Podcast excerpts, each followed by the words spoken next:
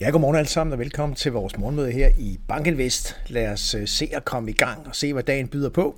Først og fremmest skal jeg lige øh, komme med et lille reklameindslag. Vi har nemlig fornøjelsen af her på fredag at have endnu en forsker med fra øh, DIS, Dansk Institut for Internationale Studier, og det er Christine Nissen.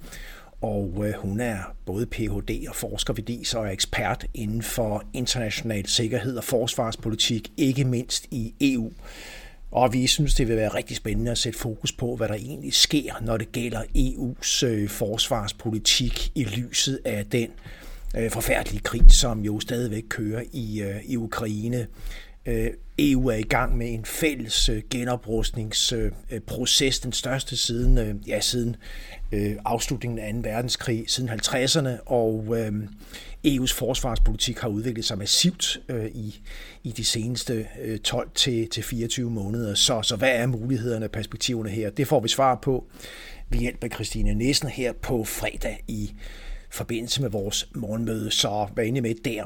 Og ellers fristes jeg til at sige, endnu en dag, endnu stigninger på aktiemarkedet. Det kommer altså vel at mærke efter en, en længere korrektionsperiode, hvor vi har set blandt andet de amerikanske aktier blive sendt ned med cirka 10 procent. Men altså, i mandag så vi jo et amerikansk S&P 500, der steg med 1,2 procent, og i går der steg det store amerikanske indeks med 0,7 procent, så er vi altså op med et par procent her i, i den her uge, og vi kan også se, at selv de noget pressede danske aktier, de begyndte at, at få lidt bedre toner. Vi er op med 1,1 procent i går på OMX øh, Copenhagen Cap Index, der nu ligger nede med et samlet afkast på kun i gåsøjen minus øh, 4 procent år til dato. Det kan sammenlignes med et afkast i USA på cirka 11 procent år til dato, målt vel at mærke i, i vores øh, valuta. Vi har også plusser på det brede europæiske Stock 600 indeks, som også stiger i, øh, i går. EM-aktierne, særligt med, med Kina, øh, er ikke rigtig begyndt at vise øh, tænder endnu. Vi har fået nogle relativt svage PMI-indeks ud af Kina, der viser, at økonomien der stadigvæk har udfordringer med at komme i gang.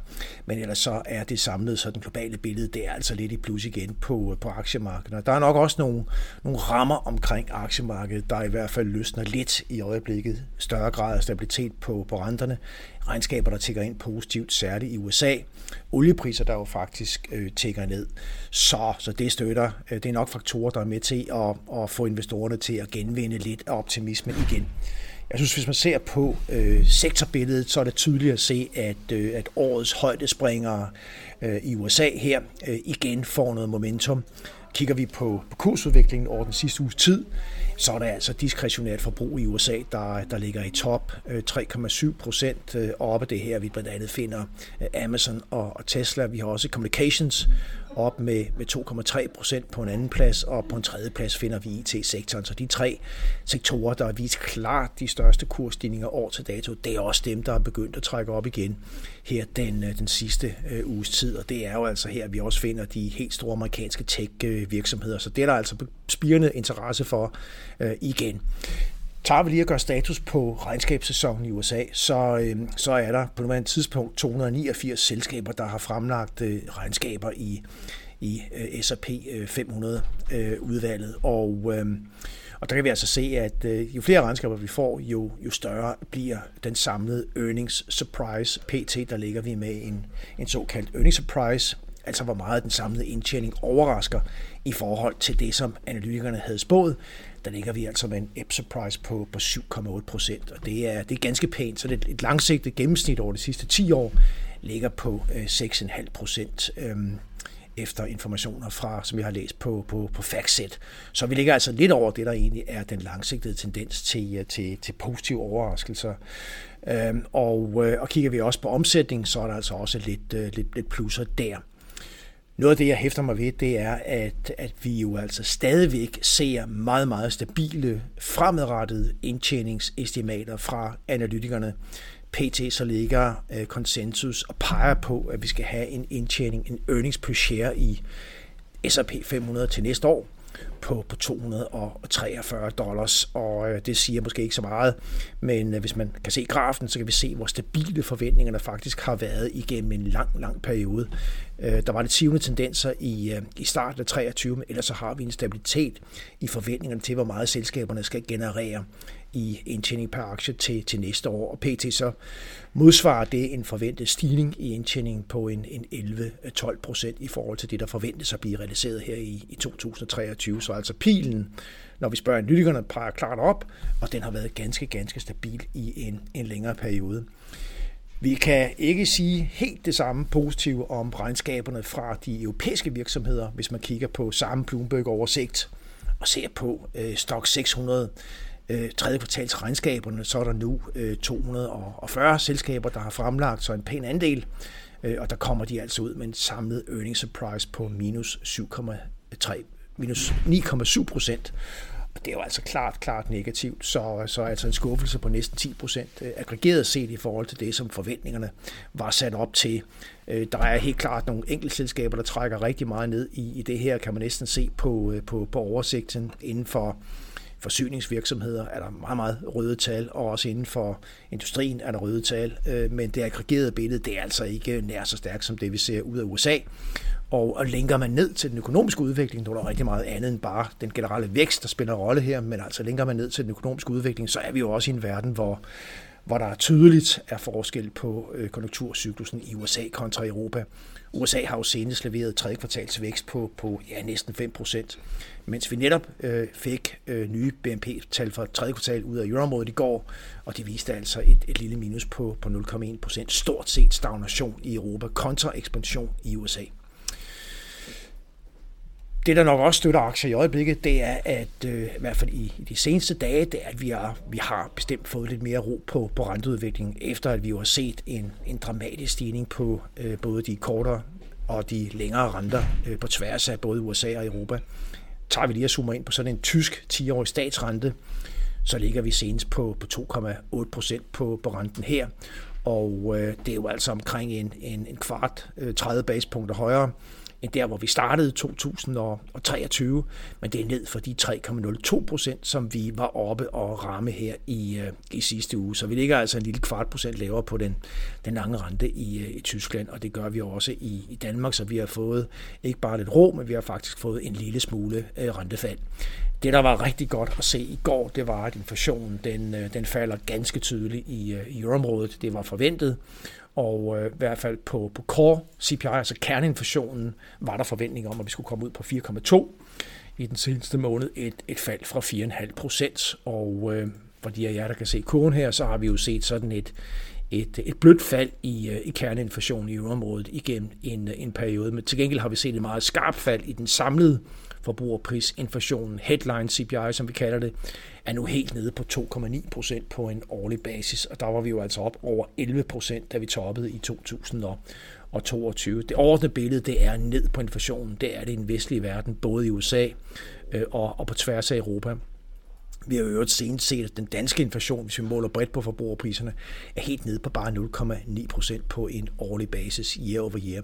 Så pin peger ned, og det betyder altså også, at, at hele billedet af centralbankerne Øh, begynder at ændre karakter. Øh, vi får et stadig stærkere billede af, at vi har set de sidste renteforholdelser nu må vi se, hvad Fed siger i aften, øh, og nu handler det næste kapitel jo altså om, i hvor lang tid vi skal have de her korte renter oppe, og hvornår de kan begynde at komme ned igen. Jeg synes, det er ret tydeligt at se, at centralbankretorikken, den, den, ændrer, den ændrer karakter. Altså senest har vi for eksempel øh, hørt øh, Bundesbanks Nagel være ude at sige, at, øh, at øh, der skal rigtig meget til, hvis ikke at ECB skal holde den korte rente oppe i en, en længere periode. Altså der, der skal nogle større ændringer i det økonomisk inflationære billede til, hvis renten skal sættes ned.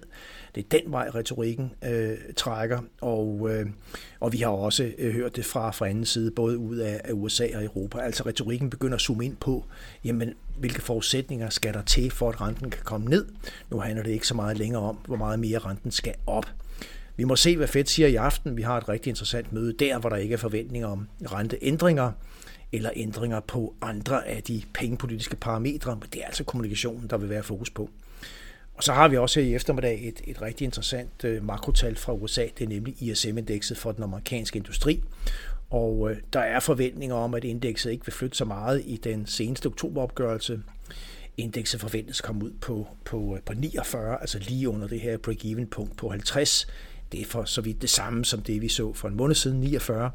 Men der er en lille tendens til, at, at indekset er begyndt at stige, og det er altså noget mere tydeligt, hvis vi kigger på ordreindgangen også øh, underindekset for, for nye ordre i ISM-indekset her, er sådan ret tydeligt for, for opadgående, og vi må se, om det billede også manifesterer sig yderligere her, når vi får ISM-indekset her i, i eftermiddag. Noget kunne tyde på, at vi i hvert fald som minimum begynder at se en stabilisering af den industricyklus, der ellers har været under pres i en, en længere periode. Og det vil jo være fundamentet for, at vi, kan, vi gradvist kan begynde at tage hul på en, en ny industriel fremgang, øh, ikke bare i USA, men også øh, globalt.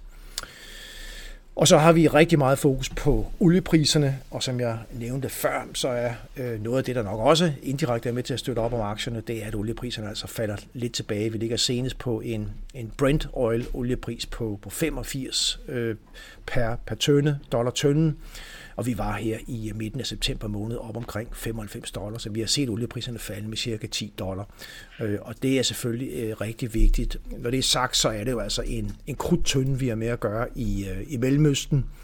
Her for et par dage siden var Verdensbanken ude og advare om, at oliepriserne kan stige til 150 dollar tønden, hvis lad os sige, gåsehøjen helvede bryder ud i, i Mellemøsten. Altså krigen i et eller andet omfang breder sig, og Iran går ind og blokerer for øh, olietransporten i øh, omkring Hormuzstrædet, så kan vi altså se et verdensmarked, der, der mister øh, millioner af, af olietønder i forsyning, og det kan presse olieprisen op i sådan en, en form for worst case scenarie til, til 150 dollar tønd.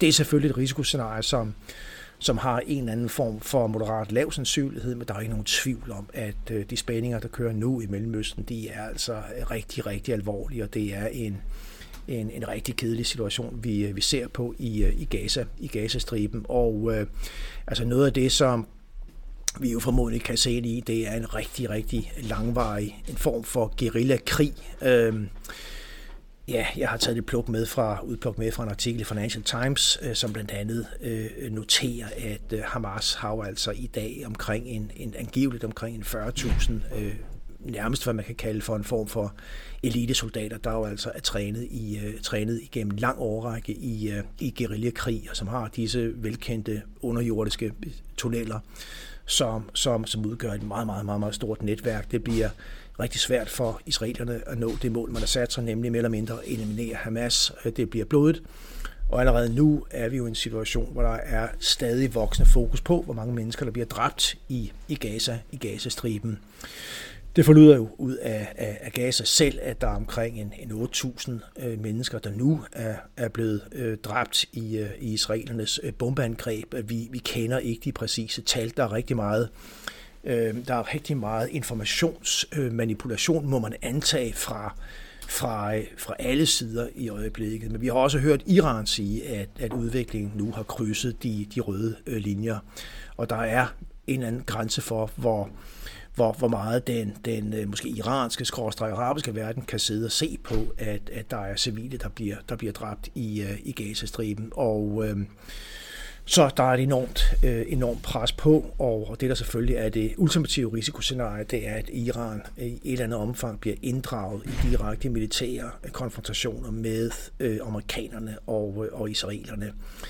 Øh, så vi må se, hvordan udviklingen er. I hvert fald så, så ligger der en form for risiko på olieprisen, og det, det er nok den, den større risikofaktor for, for markederne i, øh, i øjeblikket. Mere om det. Øhm, her til morgen der er en vis øh, optimisme igen og spore på aktiemarkedet. Vi har for eksempel de japanske aktier op med 2,5 procent, så der er rigtig tryk på der. Vi har også de europæiske DAX futures op med, med 0,7 procent i øjeblikket. De amerikanske ligger næsten flat. Og så har vi altså vigtige begivenheder i dag, nemlig ISM for industrien i USA. Vi har også ADP Payroll, som er optakten til beskæftigelsesrapporten på fredag, non-farm payrolls. Vi har JOLTS, de her job openings, altså antallet af jobannoncer, som man nu også følger tæt i USA, og så har vi PMIs for en række landes industrier, og vel at mærke også aftens øh, møde, hvor kommunikationen fra Paolo Company skal blive rigtig interessant at følge. Og med det, så skal jeg tak for, at I var med her til morgen. I må have en rigtig god dag. Vi glæder os til at være tilbage med jer i morgen tidlig. Tak for nu.